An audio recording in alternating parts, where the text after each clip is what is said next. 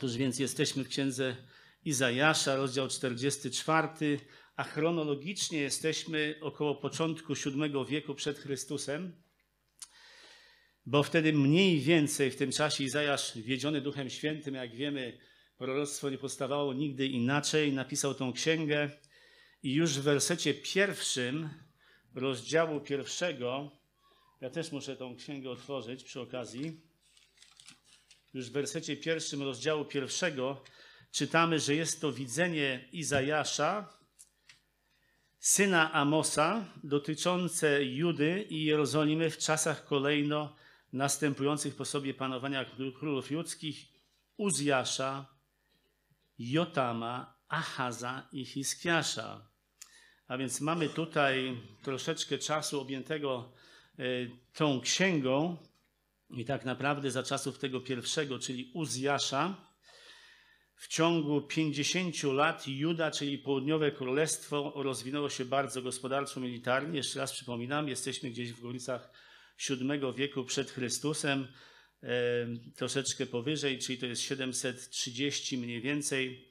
I za czasów tego właśnie pierwszego króla wymienionego tutaj Uzjasza, i to są królowie judcy, mamy wzrost gospodarczy i militarny Judy. Innymi słowy, Pan Bóg pobłogosławił e, Izrael. Tutaj musimy się za chwilkę zastanowić nad tym, e, że Juda i Izrael e, to jest zasadniczo to samo, tylko że historycznie nie. Dlatego, że mniej więcej w 722 roku, po tym jak już Asyryjczycy uprowadzili Izrael, została sama Juda ale ciągle jeszcze my mówiąc o Izraelu, tylko musimy pamiętać, w którym momencie o tym mówimy. Mówimy o tym narodzie, czy jest on, składa się on z Judejczyków, czy z Izraelczyków, czy po prostu później mówimy ogólnie Izrael, to wynika z kontekstu. No ale tutaj mówimy o Judzie, czyli Królestwie Południowym, tym, które zostało po tym uprowadzeniu, po tej deportacji.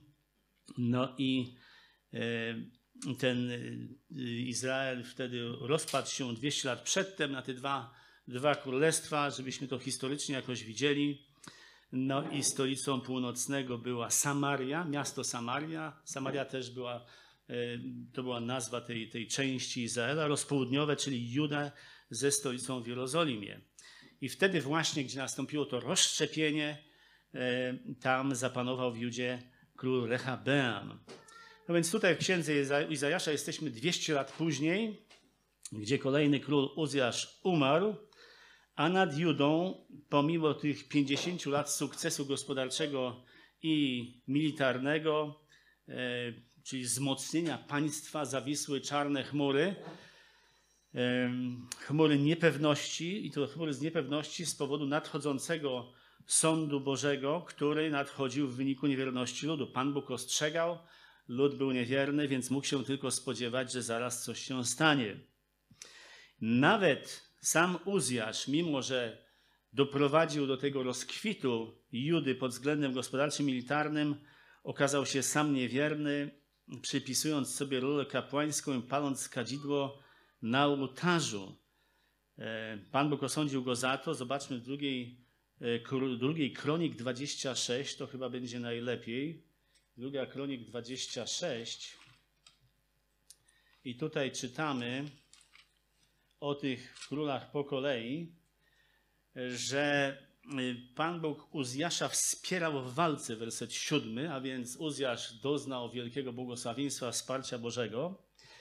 No ale w wersecie szesnastym coś jakby takiego bardzo ludzkiego się stało, gdy zaś doszedł do potęgi, wzbiło się w pychę jego serce ku własnej jego zgubie. Tutaj można postawić znak równości. Wbiło się serce w pychę, równa się zguba. Tak? Będziemy to pamiętać. On nie tylko ku własnej zgubie, ale też i sprzeniewierzył się, tutaj jest napisane Panu Bogu swemu. W jaki sposób się sprzeniewierzył?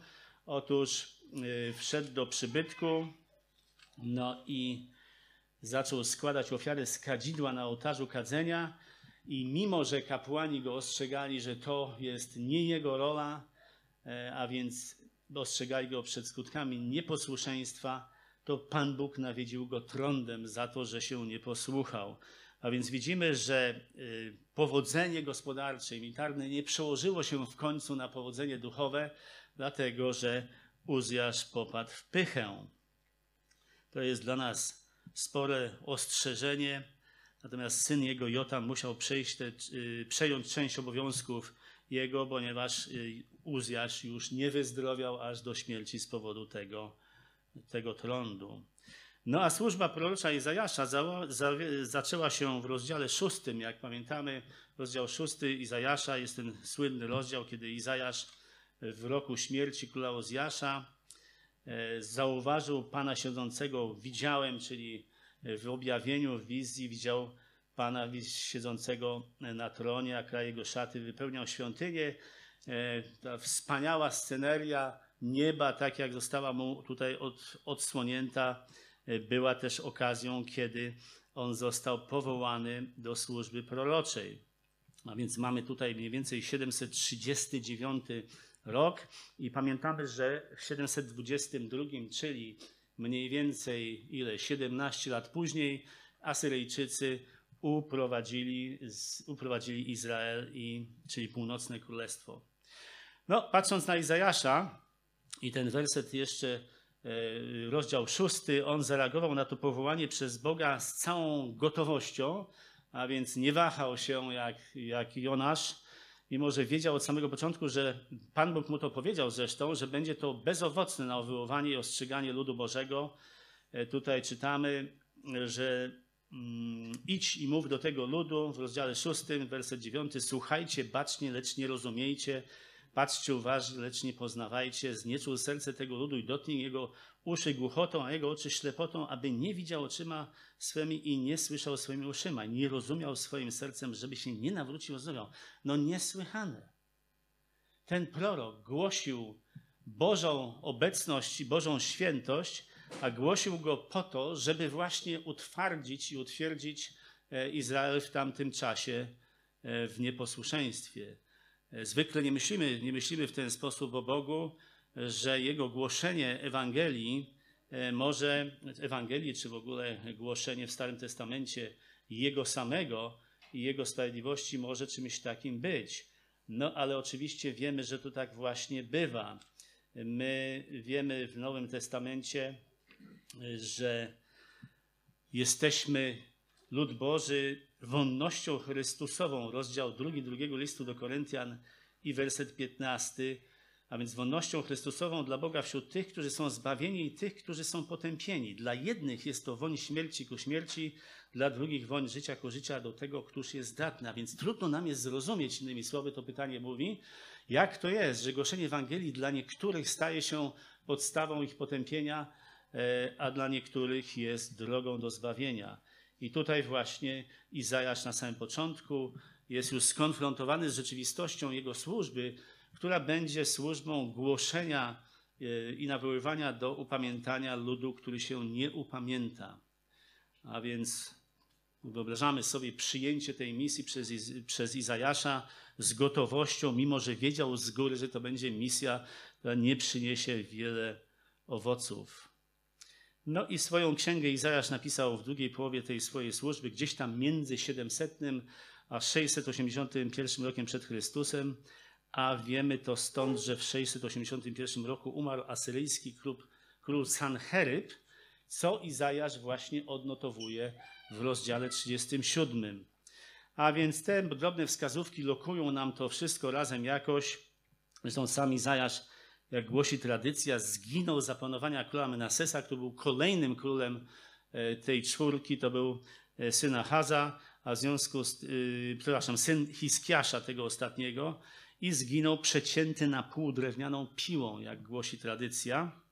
Tego typu incydenty wspomniane są w liście do Hebrajczyków, rozdział 11, i czytamy tam, że w tym panteonie tych, którzy odnieśli zwycięstwo wiary, oprócz tych, którzy dokonywali wielkich czynów i których Pan Bóg błogosławił wielkimi e, służbami, byli też i tacy, którzy doznali szyderstw, biczowania, a nadto więzów, więzienia, byli kamieniowani, paleni i właśnie przeżynani piłą. Zabijani mieczem, byli uciska, uciskani, byli poniewierani. A więc jednych Pan Bóg błogosławił spektakularnym udziałem w królestwie i rozprzestrzenianiu Ewangelii, czy też rozprzestrzenianiu Słowa Bożego, a innych, inni doznali e, takiego losu, takiego cierpienia. No ale właśnie, można by powiedzieć, że Pan Bóg pobłogosławił ich także tylko cierpieniem. On ich pobłogosławił cierpieniem i to nie mówimy lekko tego, ale musimy to, musimy to zobaczyć. Przecież to przecież nie jest tak, że błogosławiony ten, który cierpi e, dla Chrystusa. Czytamy to przecież w pierwszym liście Piotra. Jeżeli ktoś cierpi według woli Bożej, niech dobrze czyniąc powierzy swojemu Stwórcy e, duszę swoją. Błogosławieni jesteście, że was znieważają dla imienia mego i tak dalej, i tak dalej. A więc jest tutaj wyraźne pokazane nam i to powinniśmy zapamiętać, że cierpienie tak trudne, jak ono dla nas jest, jest formą błogosławieństwa. Pan Bóg się nie myli, ani też nie patrzy gdzieś tam w bok, wtedy, kiedy Jego ludzie cierpią. A więc Izajasz pisze tą swoją księgę w czasie duchowego upadku Izraela, który zapowiada nadchodzący osąd Boży i ten upadek trwał od Uzjasza poprzez jego syna aż do jego wnuka Ahaza. No i jakbyśmy przyjrzeli się jeszcze bardziej tej, tej sekwencji królów, byśmy zobaczyli, że Jotam, czyli syn Uzjasza, zachował duchowe dziedzictwo, które jeszcze było widoczne za panowania jego ojca, właśnie w rozdziale 27 e, drugiej księgi Kronik i w wersecie 6. w wersecie druga kronik, wersecie 7, werset 6. Ech, gdzieś coś tutaj się zdarzyło. Nie będę teraz szukał. W każdym razie musimy przyjąć, przyjąć to e, z nas słowo, że tak właśnie było. E, natomiast Achaz, jego syn, tak daleko już posunął się w bałwochwarstwie, że składał dzieci w ofierze. To jest werset, werset 28 E, rozdział 28, werset pierwszy. Achaz miał 20 lat, objął władzę królestwą, nie czynił tego, co prawe w oczach Pana, jak Dawid jego praojciec, kroczył drogą, drogami królów izraelskich, a nawet własnego syna oddał na spalenie w ogniu, a jak to było ohydnym zwyczajem narodów, które Pan wytępił przed synami e, izraelskimi. A więc mamy tutaj do czynienia z trudnymi rzeczami w Izraelu w tamtym czasie gospodarczy rozwój militarne, militarna siła w żaden sposób nie szły w parze z rozwojem duchowym, wręcz przeciwnie. To nie jest ciekawe, ale to jest zgodne z naturą ludzką. I lepiej nam się powodzi, tym bardziej jesteśmy podatni na to, żeby nie patrzeć na Pana, patrzeć na własną siłę, na własne możliwości e, i tak dalej. A więc w tym właśnie kontekście Izajasz zapisuje to proroctwo, a raczej serię proroctw, które stanowią księgę Izajasza. I one, to proroctwo dotyczy sytuacji Judy w czasie panowania służby Izajasza, czyli to jest pierwszych 39 rozdziałów księgi całej. Natomiast proroctwa zawarte w rozdziałach 40 do końca księgi dotyczą Judy tak jakby niewola Judejczyków w Babilonie już nastała. To jest bardzo ciekawe. Czasami jak patrzymy na Stary Testament i czytamy go, to wtedy widzimy, że z tym czasem jakieś takie są rzeczy niezwykłe. Już abstrahując od faktu, że oni byli zbawieni na podstawie tej samej ofiary Chrystusowej, która nastąpiła dużo później, to tutaj widzimy od rozdziału 40 i pamiętajmy, że my zajmiemy się za chwilę rozdziałem 44, jak tylko skończę ten wstęp. No ale widzimy, że tam już jest mowa o niewoli Judejczyków, jakby już nastała. Ona naprawdę jeszcze nie nastała ona jeszcze nie nastąpiła i dopiero upłynęło jeszcze 70 lat i wtedy mówimy o kolejnych deportacjach Judejczyków do Babilonu na przełomie VII i VI wieku. A VII wiek to jest 600 plus, a VI wiek to jest 500 plus, tak? Nie mylić ze znanym e, tutaj w Polsce mm, znanym e, dobrodziejstwem e, dla dzieci. Otóż właśnie w tej części księgi znajduje się nasz rozdział 44. Gdybyśmy spojrzeli na jego najbliższy kontekst, to w wersecie 4, rozdziale 43 no musimy widzieć to e, szerzej w całym kontekście pisma, w kontekście księgi, a później już blisko w kontekście innych rozdziałów. A więc widzimy w rozdziale 43, i trzech ostatnich wersetach, że Pan Bóg mówi swoim ludowi, że z powodu grzechu wielu jego pokoleń Izrael jako całość, czyli zarówno Królestwo Północne, jak i Południowe, doświadcza i będzie doświadczał jeszcze więcej Bożego karania. A więc to jest głos Boży nieustanny. Jeżeli będziecie nieposłuszni, przyjdzie chłostanie. Tak? Pamiętamy. No a później widzimy, że to powiedziawszy Pan Bóg w 43 rozdziale, mówi dalej w pierwszych słowach rozdziału 44, że niezależnie od tego, czy niezależnie od tego chłostania, Pan Bóg wybrał Izrael, który nazywa swoim sługą, i z tego powodu oni nie muszą się bać, że ich porzuci. E, mało tego, widzimy już dalej, e, dalej perspektywę dalszą, kiedy on wyleje wody na spieczoną ziemię, strumienie na suchy ląd, wyleje mojego ducha na Twoje potomstwo. I już tutaj widzimy dużo, dużo dalej, ale już nie pójdziemy dalej, żeby tego nie mieszać w sumie. Jesteśmy cały czas w najbliższym kontekście historycznym Izraela i pamiętamy, że z jednej strony Pan Bóg ostrzega, a z drugiej strony mówi, że niezależnie od tego, jak będzie zajmował się ich grzechem, to i tak i tak oni są Jego sługami i z tego powodu nie muszą się bać, że ich porzuci. Pan Bóg jest wierny. Wybrał Izrael, żeby pełnił Jego fun funkcję błogosławieństwa całej ziemi i to się nic nie zmieni przez wszystkie wieki. A więc pierwsza część rozdziału 44 do wersetu 5 to jest właśnie deklaracja Boża gwarantująca Izraelowi jako całości wspaniałe błogosławieństwo w nadchodzącym czasie królestwa. Nadchodzącym zarówno w krótkim horyzoncie, jak i w horyzoncie dalekim. Więc przeczytajmy wersety 2 do 5, czyli to jest nie bój się mój sługo Jakubie i Jeszurunie, którego wybrałem, gdyż wyleję wody na spieczoną ziemię i strumienie na suchy ląd, wyleję mojego ducha na Twoje potomstwo i moje błogosławieństwo na, na Twoje latorośle aby się rozkrzewiły jak trawa między wodami, jak topole nad uczajami. Jeden powie wówczas, ja należę do Pana, drugi nazwie się imieniem Jakuba, inni wypisze na swojej ręce własność Pana i otrzyma zaszczytne imię Izrael. Więc widzimy tutaj niesłychane przebudzenie Izraela, które gdzieś tam jeszcze jest daleko, daleko przed nami, no ale chodzi o ten kontrast. Koniec rozdziału 43 Pan Bóg mówi, oni znieważyli moją świętość, a więc dlatego Jakuba włożyłem klątwą Izraela, wystawiłem na zniewagi, a już na początku rozdziału 44 Pan Bóg mówi, hej, jesteście moi wybrani, ja was nie porzucę. To jest po prostu takie trudne ojcostwo z wami. Jesteście tacy, których ja muszę tutaj ostrzegać i chłostać, a z drugiej strony pamiętajcie, że jestem waszym ojcem i to jest błogosławieństwo, które was, od was nie odejdzie. A więc nadchodzi czas, w którym zobaczą zarówno fizyczną odnowę, jak i ożywienie pustynnych terenów, jak i też błogosławieństwo wydane na lud, który będzie znał Pana. Dzisiaj Izrael nie zna Pana.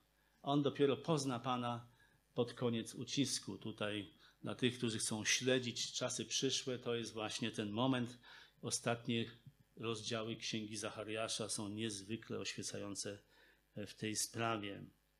A więc nie było żeby nie było żadnych wątpliwości, nie było żadnych wątpliwości, Pan Bóg to, co mówi, potwierdza oświadczeniem o swojej boskości. Werset 6 rozdziału 44. E, powiedziawszy to Izraelu o tych błogosławieństwach nadchodzących, mówi ja. E, tak mówi Pan, Król Izraelski, Jego Odkupiciel, Pan Zastępów. Ja jestem pierwszy, ja jestem ostatni, oprócz mnie nie ma Boga. A więc lepiej słuchajcie tego, co ja mówię. Ja nie jestem jak człowiek i nie zmieniam zdania. To jest coś, na czym możecie się oprzeć. To jest coś, czego ja nie zmienię. Jeżeli ktoś myśli, że jest mu równy, to niech ogłosi to, co dopiero się stanie. Werset siódmy. Kto jest mi równy? Niech zawoła, niech to zwiastuje, niech mi to przedstawi. Kto zwiastował od dawien dawna przysłe rzeczy? Więc Pan Bóg mówi, wy możecie coś tam myśleć, ale prawda jest taka, że ja jestem Bogiem i nie ma innego. A jeżeli myślisz, że możesz mi dorównać, to po prostu powiedz, co będzie. No jest wielu takich, którzy tak mówią, nawet w tym kraju, no ale oczywiście wiemy, że to wszystko są fałszywe rzeczy. On tylko jeden może powiedzieć, co będzie. I dlatego właśnie mówi w wersecie ósmym z kolei: Nie trwóżcie się, nie lękajcie się. To, że ja jestem Bogiem, stanowi gwarancję dla was, że stanie się tak, jak ja mówię, nie będzie żadnych niespodzianek. Możecie to wiedzieć z góry, czytając moje słowo. I tak, mówi Pan Bóg, poczujecie mój gniew z powodu waszych występków, ale jesteście moim wybranym ludem, a ja jestem wierny i dotrzymuję obietnic danych waszym przodkom i danych wam teraz. To jest jak Pan Bóg działa ze swoim ludem, ze swoimi dziećmi. Te obietnice złożone są niezłomne.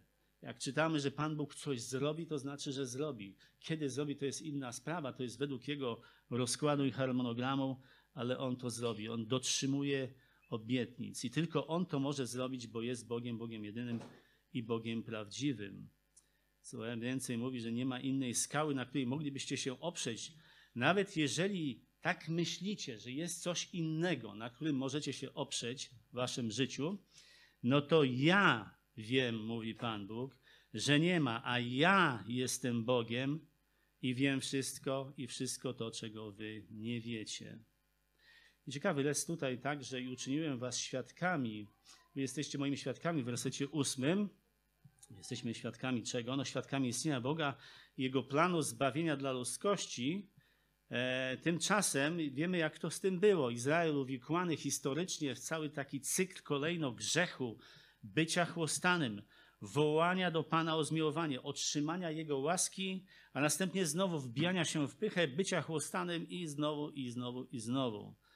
W tych wszystkich cyklach takich jak te, Pan Bóg pokazuje, że jest jednocześnie święty i jednocześnie łaskawy. I to wiemy, prawda? Pan Bóg nie jest raz tym, raz tym. On jest wszystkim, kim jest jednocześnie. Jednocześnie. A to oznacza, że On także przysparza sobie chwałę nie tylko przez sprawiedliwe ukaranie grzesznika, ale i przez okazanie mu łaski. My wiemy też, że właśnie ze względu na to, że jest jednocześnie sprawiedliwy i jednocześnie łaskawy, nie może nie ukarać grzechu. Przez to po prostu darowanie mu winy. On wtedy, jako sędzia, który wypuszcza skazanego za jego przestępstwa nieukaranego, byłby niesprawiedliwym sędzią. A więc cała historia ludzkości, jakbyśmy spojrzeli na to szerzej, jest pokazem planu Bożego powziętego przed założeniem świata. I to czytamy w pierwszym liście Piotra 1,20. I na podstawie tego planu na ziemi ma przyjść bezgrzeszny Zbawiciel, druga osoba Trójcy Świętej, która stanie się człowiekiem weźmie na siebie karę za grzech tych, którzy od wieczności byli powołani do zbawienia. A więc On dostarczy ratunku przed sprawiedliwym Jego własnym gniewem niezwykłe. To jest właśnie Ewangelia. A w tym planie Bożym rolą Izraela było być świadkiem, świadkiem planu Bożego, sięgania do wszystkich narodów, a Izrael miał być świadkiem realności Boga i Jego czcicielem. Wiadomo, Izrael, który był nieposłuszny i szedł w jakieś bałwochwalstwa, nie był świadkiem Boga prawdziwego, tylko był świadkiem Boga fałszywego. No i stąd właśnie E, cała ta rzecz. Rolą Izraela było być świadkiem planu Bożego. No i jeżeli nie, no to właśnie w Izajaszu 44, rozdział 44 do wersetu, e, od wersetu 9 Bóg pokazuje na przykładzie Izraela, jak absurdalnie, zupełnie absurdalne i niebezpieczne jest bałwochwalstwo. Czyli odwrócenie się od prawdziwego Boga i zwrócenie się w stronę bogów fałszywych albo nawet czegokolwiek, co pełni w życiu człowieka taką rolę. A więc w szczególności w wersetach 9 do 20 przedstawionych jest pięć faktów stanowiących istotę oddawania czci fałszywym bogom. Pięć faktów stanowiących istotę oddawania czci fałszywym bogom. Nawet jeżeli obserwujemy cały ten rozdział 44, to widzimy już, że sam werset 9 jest takim skondensowanym zapisem tego, co następuje dalej w wersetach od 10 do 20. I ten werset 9 brzmi tak. Wytwórcy bałwanów są w ogóle niczym, a ich ulubione wytwory są bez wartości. Ich czciciele są ślepi, a oczywista ich niewiedza naraża ich na hańbę. A więc fakt pierwszy, ci, którzy wytwarzają bożki, stają się lub są tutaj, jak wiele tłumaczeń polskich podaje, niczym. Co za oświadczenie. Są niczym. Słowo hebrajskie tohu, używane często w Starym Testamencie, oznaczające nicość, marność albo bezkształtność.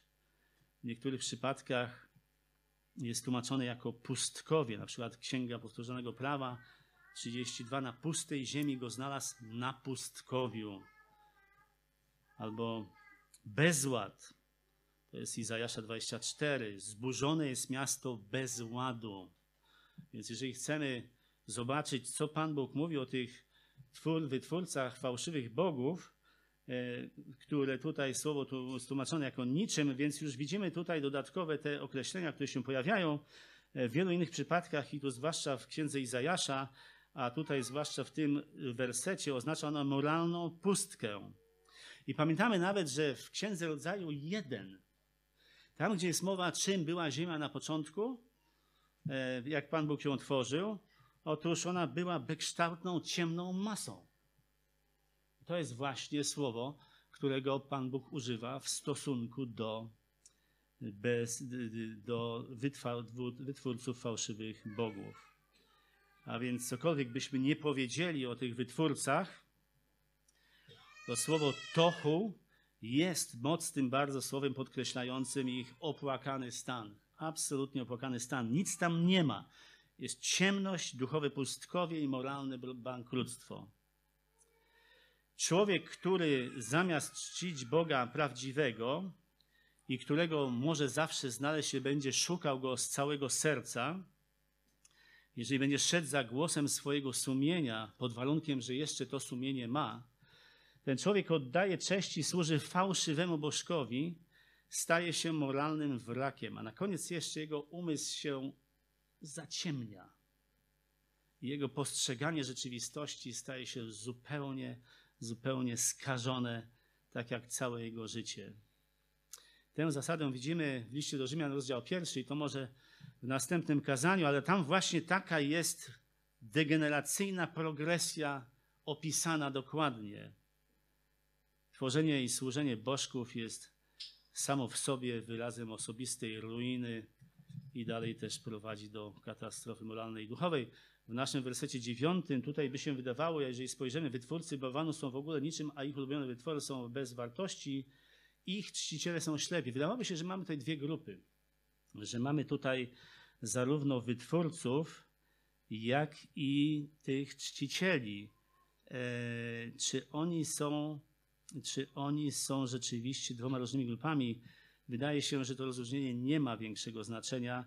Zarówno jedna, jak i druga grupa jest odpowiedzialna za swój proceder w równym stopniu. Zresztą w dalszej lekturze tego rozdziału czytamy, że jest tu mowa o tych wytwórcach, którzy są czcicielami swoich własnych wyrobów. Werset 15 mówi, że te służą, czyli te, czyli te drewna, które tam bierze na opał, bierze je, aby się ogrzać, roznica także ogień, aby napiec, napiec ple, e, chleba.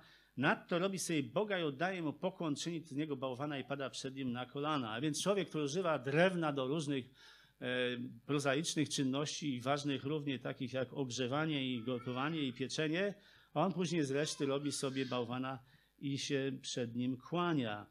E, to jest właśnie ten wytwórca, więc ten wytwórca jest jednocześnie czcicielem e, swojego ulubionego wytworu. To jest właśnie w wersecie dziewiątym. Wytwórcy bałwanów są w ogóle niczym, a ich ulubione, e, ulubione wytwory. Zresztą musimy spojrzeć na to tak. Taki jest rys w ludzkiej naturze, że człowiek ma skłonność do bycia dumnym z dzieł swoich rąk, nie mamy żadnych wątpliwości. Widzimy to na przykład w postawie budowniczych wieży, wieży Babel, którzy w Księdze Rodzaju 11 mówią tak, zbudujmy sobie miasto i wieżę i uczyńmy sobie imię, a więc stańmy się sławni. Stańmy się sławni, e, bądźmy tak dumni z tego, co zrobiliśmy, żebyśmy stali sławni. No po co? No po to, abyśmy się nie rozproszyli po całej ziemi, a więc ich motywacją było przeciwstawienie się naprawdę klarownemu, wyraźnemu poleceniu Boga z rozdziału 9, werset pierwszy, pierwszej Mojżeszowej, aby właśnie rozprzestrzenili się po ziemi i napełniali ją. Jak pamiętamy, skończyło się to interwencją Boga. On zatrzymał budowę tego miasta i tej wieży i rozproszył ich zgodnie ze swoim zamysłem po całej ziemi poprzez pomieszanie ich języków. No, to nie jest jedyny przykład. Kolejnym miłośnikiem swoich własnych dzieł był nie kto inny, tylko król babiloński, Nabukadnesar, który w księdze Daniela 4, przechodząc się po pałacu królewskim w czystym akcie samouwielbienia, powiedział: Czy to nie jest ów wielki Babilon, który zbudowałem na siedzibę króla dzięki potężnej mojej mocy i dla uświetnienia mojej wspaniałości? Wiemy, jak to się skończyło, jeszcze te słowa nie wybrzmiały do końca, a już jak czytamy tam w wersecie 28, zagrzmiał głos Boży, który ogłosił sąd nad Nadbukadnaserem i odebranie mu władzy. No jest to fascynująca historia i zwłaszcza z tego powodu, że miała dobry finał. My wiemy, że w rezultacie Bożego Sądu i chłostania ten pogański król nawrócił się i został czcicielem już nie siebie i nie swoich dzieł, które stały się jego bożkiem, nie tylko został przywrócony do honorów i władzy królewskiej, ale jeszcze został głosicielem Bożych dzieł, jednocześnie ostrzegając tych, którzy idą w stronę dumy i pychy z powodu tego, co im się udało zrobić. No, mamy w Nowym Testamencie też przykład wytwórców bożków, dziejach apostolskich 19. Paweł założył kościół w Efezie, w skrócie mówiąc, którego wpływ ewangelizacyjny na okolice był tak wielki, że nawet czarnoksiężnicy palili swoje księgi. E, innymi słowy, było to takie małe przebudzenie. No małe, nie małe, każde przebudzenie jest wielkie. Przebudzenie, które e, grupę taką jak czarnoksiężnicy e, wciągnęło. Oni się nawrócili i jako uczynki godne upamiętania, a to jest znak prawdziwego nawrócenia, to nie deklaracja jakaś taka czy inna, ale uczynki godne upamiętania palili publicznie swoje księgi. No trzeba było trochę odwagi, żeby to zrobić, a więc musimy to przyznać im to rację, no ale w Efezie byli też i rzemieślnicy, którzy wytwarzali srebrne świątynki Artemidy, no i którym się z tego powodu bardzo dobrze powodziło. Wiadomo, e, rzemiosło zwykle się ma dobrze, no ale tutaj rzemiosło było rzemiosłem skażonym. Można by powiedzieć, że oni po prostu coś wytwarzali, tak? Jaka to jest sprawa? To jest czysto biznesowe przedsięwzięcie. To powiedziała pani prezydent, e, kanclerz Merkel o rurociągu Nord Stream swego czasu. Czyste biznesowe przedsięwzięcie, nic za tym nie stoi. No nie za bardzo. Tutaj też nie było czyste biznesowe przedsięwzięcie.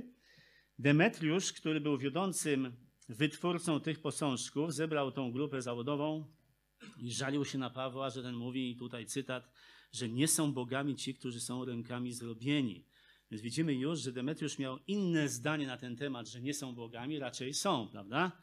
Więc widzimy to jego zaangażowanie.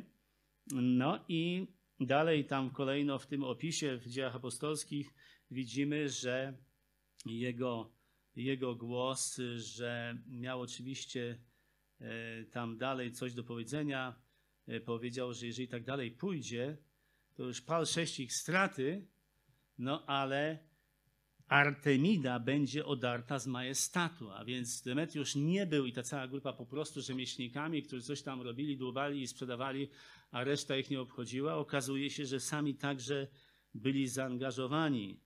A więc na tych przykładach widać, że wytwórcy bożków nie są obojętni wobec tych bożków. Tutaj nie miejmy żadnych złudzeń. Są, tak jak tutaj czytamy w Izajaszu, to są ich ulubione wytwory, do których są przywiązani, wkładają w ich wytwórstwo mnóstwo siły, poświęcenia, e, pracy, a następnie sami przed nimi klękają i widzimy to właśnie w wersecie 15. Nadto robi sobie Boga i oddaje mu pokłon, czyni z niego bałwana i pada przed nim na kolana. No to nas prowadzi do faktu drugiego, że te bożki są nic nie warte. Więc jeszcze raz werset dziewiąty. Wytwórcy bałwanu są w ogóle niczym, a ich ulubione wytwory są bez wartości. Te bożki są nic nie warte. Nic. Izajasz dalej mówi w wersecie 10, któż wytwarza bóstwo i odlewa bałwana, który na nic się nie zda. To nie ma sensu. patrząc na to z zewnątrz. Żadna staranność i sprawność rzemieślnika nie zmienia faktu, że te bożki wytworzone ręką człowieka są bez wartości i są absolutnie bez sensu. Jak można myśleć, że coś zrobionego z kawałka drewna lub nawet metalu jest warte kłaniania się temu, modlenia się do tego przedmiotu i wyrażania nadziei, że ten Bożek może kogoś uratować z opresji. A więc w kolejnych wersetach Izajasz mówi o absurdzie wierzenia w boskość kawałka drewna. Czy to nie jest absurd? Oczywiście jest. No a ta właśnie druga część tego kawałka drewna, z której, z której wytworzony jest ten Bożek, idzie, aby wytworzyć ciepło w piecu. A więc patrząc na to z zewnątrz, już z najdrobniejszą ilością logiki widać, że to jest bez sensu. Ciekawa rzecz inna jeszcze, że ci twórcy bożków, którzy przypisują przedmiotom cechy boskie, tutaj nawet nie mogli wymyśleć nic innego niż postać człowieka. Werset 13, że tam wymierza go cyrklem, wykonuje go na podobieństwo człowieka, jako piękną postać ludzką, którą ma być ustawiona w domu. Więc to jest ograniczenie tego jest tak dramatyczne, że nawet wyobraźnia człowieka, który robi sobie bożka, nie sięga dalej niż po prostu ludzka moc. Robi sobie człowieka. Albo cielca, co pamiętamy z Księgi Wyjścia, albo nawet innych czworonogów, krów, szczurów, rabąszczy, czy czegoś tam jeszcze. W tym pierwszym przypadku, w przypadku postaci człowieka, jest ciekawe, że oni przypisują Bogu cechy ludzkie. A więc wytwarzając bożka w postaci człowieka, przypisują Bogu cechy ludzkie, tak? To jest mój Bożek, to jest mój Bóg, ten tutaj człowiek, przynajmniej jak go widzę. No i to nie jest, trzeba powiedzieć szczerze, niezwykłym zjawiskiem nawet spośród chrześcijan, którzy czasem osądzają Boga miarą własnych ludzkich wyobrażeń, na przykład o sprawiedliwości albo o innych jeszcze rzeczach. Mówią oni, jak to jest możliwe, że Bóg mógł dopuścić do ukrzyżowania własnego syna. Słyszeliście takie pytanie czasem? To jest charakterystyczne. Jak to jest możliwe, że Pan Bóg mógł ukarać swojego własnego syna winą i karą, która należy do kogoś innego? Albo czy Bóg jest sprawiedliwy, nawet dobry, skoro dzieje się tyle zła?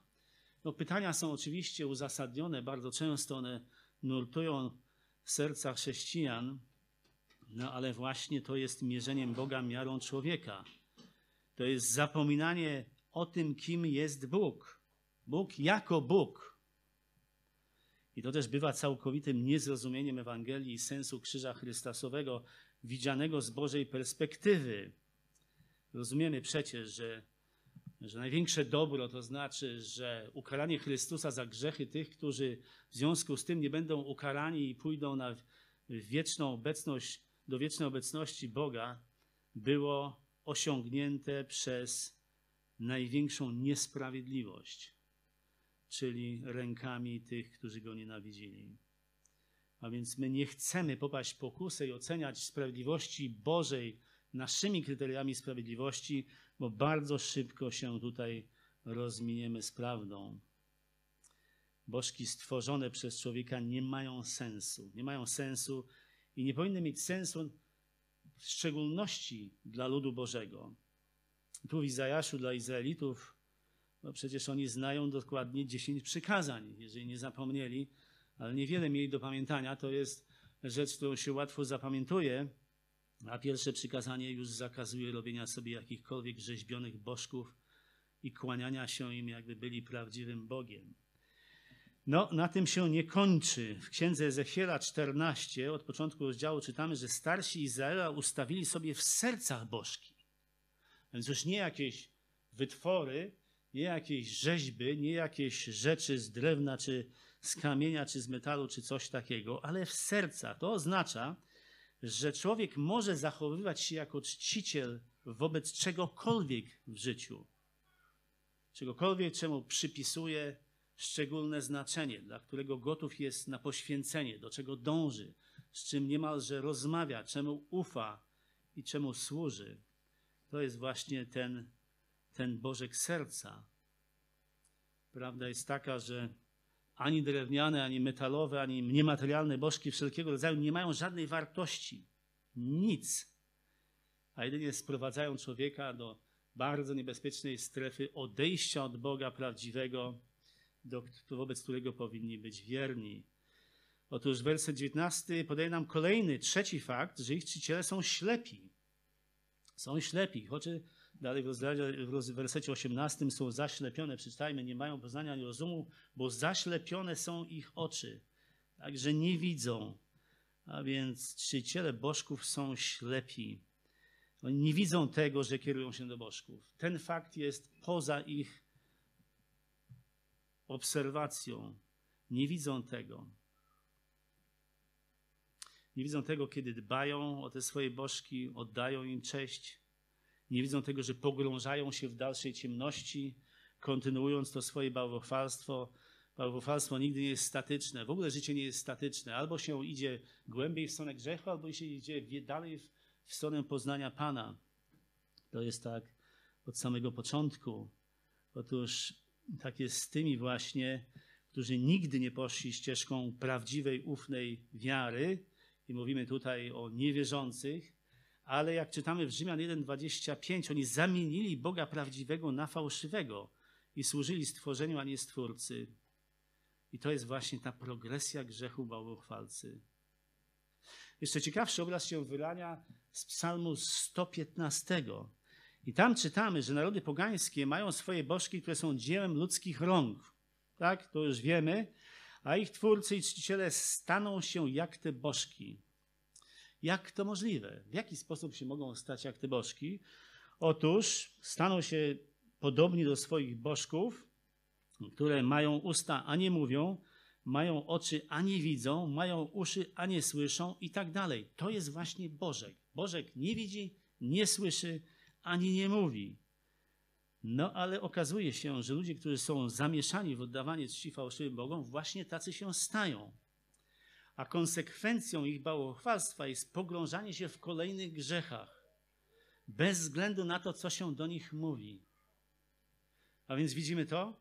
Oni nie widzą rzeczy takich, jakie one są, nie słyszą tego, co się do nich mówi, a przez to stają się właśnie jak te bożki, których czczą, które nie widzą i nie słyszą. Często ludzie konfrontowani z ciężkim grzechem różnego rodzaju, pytani, czy nie widzisz, do czego doprowadzi cię dalsze służenie temu fałszywemu bożkowi? Odpowiedź nie. Czy nie słyszysz tego, co ci wszyscy mówią? Nie. Czy nie powinieneś wyznać tego grzechu, aby Bóg ci przebaczył? Nie. No więc właśnie tak jest. Ci, którzy popadają w zniewalający grzech, którego stają się sługami, który jest dla nich jak bożek fałszywy, którym oddają swój czas, energię, pieniądze, całe swoje zaangażowanie, stają się głusi i ślepi i niemi jak te bożki. Nie widzą najbardziej oczywistych rzeczy, takich na przykład jak kompletny idiotyzm przypisywania boskości kawałkowi drewna lub metalu, albo nawet traktowania innych rzeczy, albo nawet niektórych pragnień ludzkich w ten sam sposób, w jaki czciciel traktuje obiekt swojej czci i staje się zależny od niego. Na przykład alkohol. Weźmy alkohol. Ktoś, kto używa alkoholu, jest pewien, że ma to pod kontrolą, w niedługim czasie nie widzi już, że to alkohol kontroluje jego. Nie widzi. On tego nie widzi. Pijaństwo jest grzechem, oczywiście wiemy w Izajaszu 5 i werset 11 czytamy, że biada tym, którzy od wczesnego rana gonią za trunkiem, których do późnego wieczora rozpala wino. I przyczyna tego stanu jest taka, dalej tam można to przeczytać, że na dzieło Pana nie patrzą, a sprawy Jego rąk nie widzą. To jest właśnie istota stanu oddawania czci bożkom fałszywym. Na dzieła Pana nie patrzą, sprawy Jego rąk nie widzą, innymi słowy, e, nie patrzą na to, co Pan Bóg stworzył, nie są karmieni e, tym, co mogą widzieć z Jego chwały dookoła i nie widzą też tego, co On robi. To jest właśnie, co się dzieje. Oni nie widzą. To jest ślepota. To jest cechą charakterystyczną wszystkich, którzy popadają w oddawanie czci bożkom. Nieważne, czy są bożki, bożki drewniane, czy metalowe, czy z czegokolwiek innego, czy to są obrazy, czy to są po prostu inne rzeczy, nawet pragnienia, które stają się, pragnienia których stają się sługami. To właśnie jest to. Są gotowi się poświęcić albo kogoś poświęcić. Gotowi są zgrzeszyć, żeby tylko osiągnąć swój cel. Czwarty fakt. Czwarty fakt to to, że nie tylko czciciele fałszywych bogów nie widzą, ale też nie wiedzą. Nie tylko nie widzą, ale nie wiedzą. To jest kolejny fakt zawarty w wersecie dziewiątym. Czytajmy dalej. Wytwórcy bałwanów są w ogóle niczym, a ich ulubione wytwory są bez wartości, czciciele są ślepi, a oczywista ich niewiedza naraża ich na hańbę. A więc to jest kolejna rzecz. To nie są wesołe sprawy. Werset 18 rozwija tę myśl. Oni nie mają poznania ani rozumu. Dlaczego nie mają poznania ani rozumu? Otóż czytamy dalej, bo zaślepione są ich oczy, a dalej serca zatwardziały, także nie rozumieją. Więc widzimy, że niewiedza jest wtórna. Są ich zaślepione oczy, w związku z tym nie wiedzą, nie mogą poznać, nie mogą się dowiedzieć. To jest stan zatwardziałości, który powoduje niewiedzę i brak zrozumienia, a więc niezdolność do odróżnienia dobra i zła. No na tym to wreszcie polega. Nie można odróżnić prawdy od fałszu i Boga prawdziwego od Boga fałszywego. No to jest oczywiste. A więc mamy tutaj do czynienia z pewną progresją. Oddawanie czci fałszywym bożkom powoduje zatwardziałość serca, które powoduje zaciemnienie umysłu. Brzmi znajomo? Właśnie tak Paweł opisuje w Efezjan 4,17 i dalej stan nieodrodzonego człowieka. Przypomnijmy, poganie mają przyciemniony umysł i są dalecy od życia Bożego. Dlaczego? Przez nieświadomość, która jest w nich. Dlaczego? Przez zatwardziałość serc ich. To jest komunikat Efezjan 4,17. Jak się zadajemy pytanie, skąd się to wzięło, to tu wracamy do listu do Rzymian, rozdział pierwszy, dlatego że cechą definiującą niewierzącego. Kto to jest niewierzący? To jest ten, który znikczemniał w myślach swoich i pogrążył, jego serce pogrążyło się w ciemności, a więc nie widzi i nie wie. I zamienił Boga prawdziwego na fałszywego i oddaje mu cześć i służy stworzeniu zamiast Stwórcy. Widzicie ten element służenia fałszywemu Bogu? To nie jest po prostu jakieś tam religia niedzielna, sobotnia, piątkowa, czwartkowa, czy cokolwiek jeszcze innego. To jest służenie. To jest oddawanie swojej energii, czasu, pieniędzy, ofiar, e, albo nawet poświęcanie kogoś innego. A więc to wszystko służenie niewiernemu, e, niewierne służenie e, fałszywemu bożkowi, ono pociąga za sobą dalszy sąd Boży. W tym przypadku Widzimy to klarownie, ale i w przypadku Izajasza 44 widzimy to w postaci deprawacji umysłu, który nie jest w stanie już myśleć klarownie w ogóle. I w wersecie 19 rozdziału 44 czytamy, że czciciel bożka już nie myśli o absurdzie tego oddawania czci. Już nie ma na tyle poznania i rozumu, aby rzec, połowę drewna spaliłem w ogniu, na jego węglach napiekłem chleba, upiekłem też mięso i nadłem się, a z reszty zrobią ohydę i będę klękał przed drewnianym klocem. To absurd. On sobie tego w ogóle nie zadaje pytania, nie myśli w ten sposób. To nie jest dla niego w ogóle absurdalne. On tego nie widzi i tego nie wie. I tu dochodzimy do wersetu 20. Kto się zadaje z popiołem tego zwodzi omamione serce. Także nie uratuje swojej duszy, ani też nie powie, czy to nie zło, czego się trzymam. Tutaj w wersji Starego i Nowego Przymierza, ta Biblia, którą tutaj wielu z Was ma, jest napisane, czy to, co trzymam w ręce, nie jest zwykłym oszustwem? Czy ten fałszywy Boże, którego się trzymam, nie jest po prostu zwykłym oszustwem? No tego sobie właśnie pytania nie zadaję. Nie zadaję sobie pytania, czy mój Bożek nie oszukał mnie do tego stopnia, że już nie rozróżniam tego, co prawdziwe, co nieprawdziwe, tego, co dobre, co niedobre, tego, co słuszne i tego, co niesłuszne. Czy nie ma już dla mnie ratunku? Czy już się z tego nie wyplączę? Czy jestem sługą mojego Bożka i nie ratuję mojej duszy? I to jest właśnie nasz piąty fakt. Piąty fakt jest taki: oddawanie czci bożkom wszelkiego typu, bożkom materialnym lub tym w sercu, prowadzi do hańby. I to jest koniec wersetu dziewiątego. Czytajmy go więc w całości. Dwórcy bałwanów są w ogóle niczym, a ich ulubione wytwory są bez wartości. Ich są ślepi, oczywista jak niewiedza naraża ich na hańbę. na hańbę. Jest to hańba katastrofy życiowej, hańba odwrócenia się do Boga i wreszcie hańba życia potępionego na zawsze. Więc zadajmy sobie takie pytanie. Jeżeli oddawanie czci fałszywym Bogom jest tak straszliwą katastrofą dla człowieka, to czy nie ma wyjścia dla tego, kto zrobił z tego swój dewastujący nawyk? Ten nawyk, który odsuwa go od Boga prawdziwego, kieruje go w stronę innych rzeczy, rzeczy, którym oddaje cześć zamiast Bogu, którym poświęca się zamiast Bogu, którym ofiarowuje swój czas, energię i pieniądze zamiast Bogu, którym służy zamiast Bogu i którym ufa zamiast Bogu. I to nas prowadzi do pozostałej części rozdziału 44 i wersetów 21 do 28, gdzie Pan Bóg mówi, że ze względu na to, że są niewolnikami grzechu i sami nie ratują swojej duszy, to On to zrobi. To On to zrobi dla tych, którzy się nawrócą. I tak jak cały rozdział 44 Izajasza zaczyna się od zapowiedzi z Bożej łaski, która zostanie wylana na Izrael jako naród pod koniec ucisku, gdzieś tam hen jeszcze w perspektywie tej zapowiedzi popartej całym autorytetem boskim. Gdy ma Pan Bóg przypomina Izraelowi jego misję bycia Bożymi świadkami wobec ludów na ziemi, tak też i końcowa część rozdziału pokazuje Boga jako odkupiciela, który mówi o Jerozolimie, że będzie odbudowana. Odbudowana po czym? Otóż w najbliższej perspektywie Jerozolima będzie zniszczona około 100 lat później, dlatego że w 586 roku przed Chrystusem Babilończycy podbijają ziemię ludzką, judzką i wezmą lud judzki do niewoli. A więc już 100 lat przed faktem zniszczenia Jerozolimy Pan Bóg zapowiada odbudowanie. To jest Pan Bóg, który zna przyszłość. Czytamy to w Księdze Jeremiasza 25. Pan Bóg mówi do Judejczyków, werset 5. Nawróćcie się każdy ze swojej złej drogi i swoich złych uczynków, a będziecie mogli mieszkać w ziemi, którą Pan dał wam i waszym ojcom od wieków na wieki.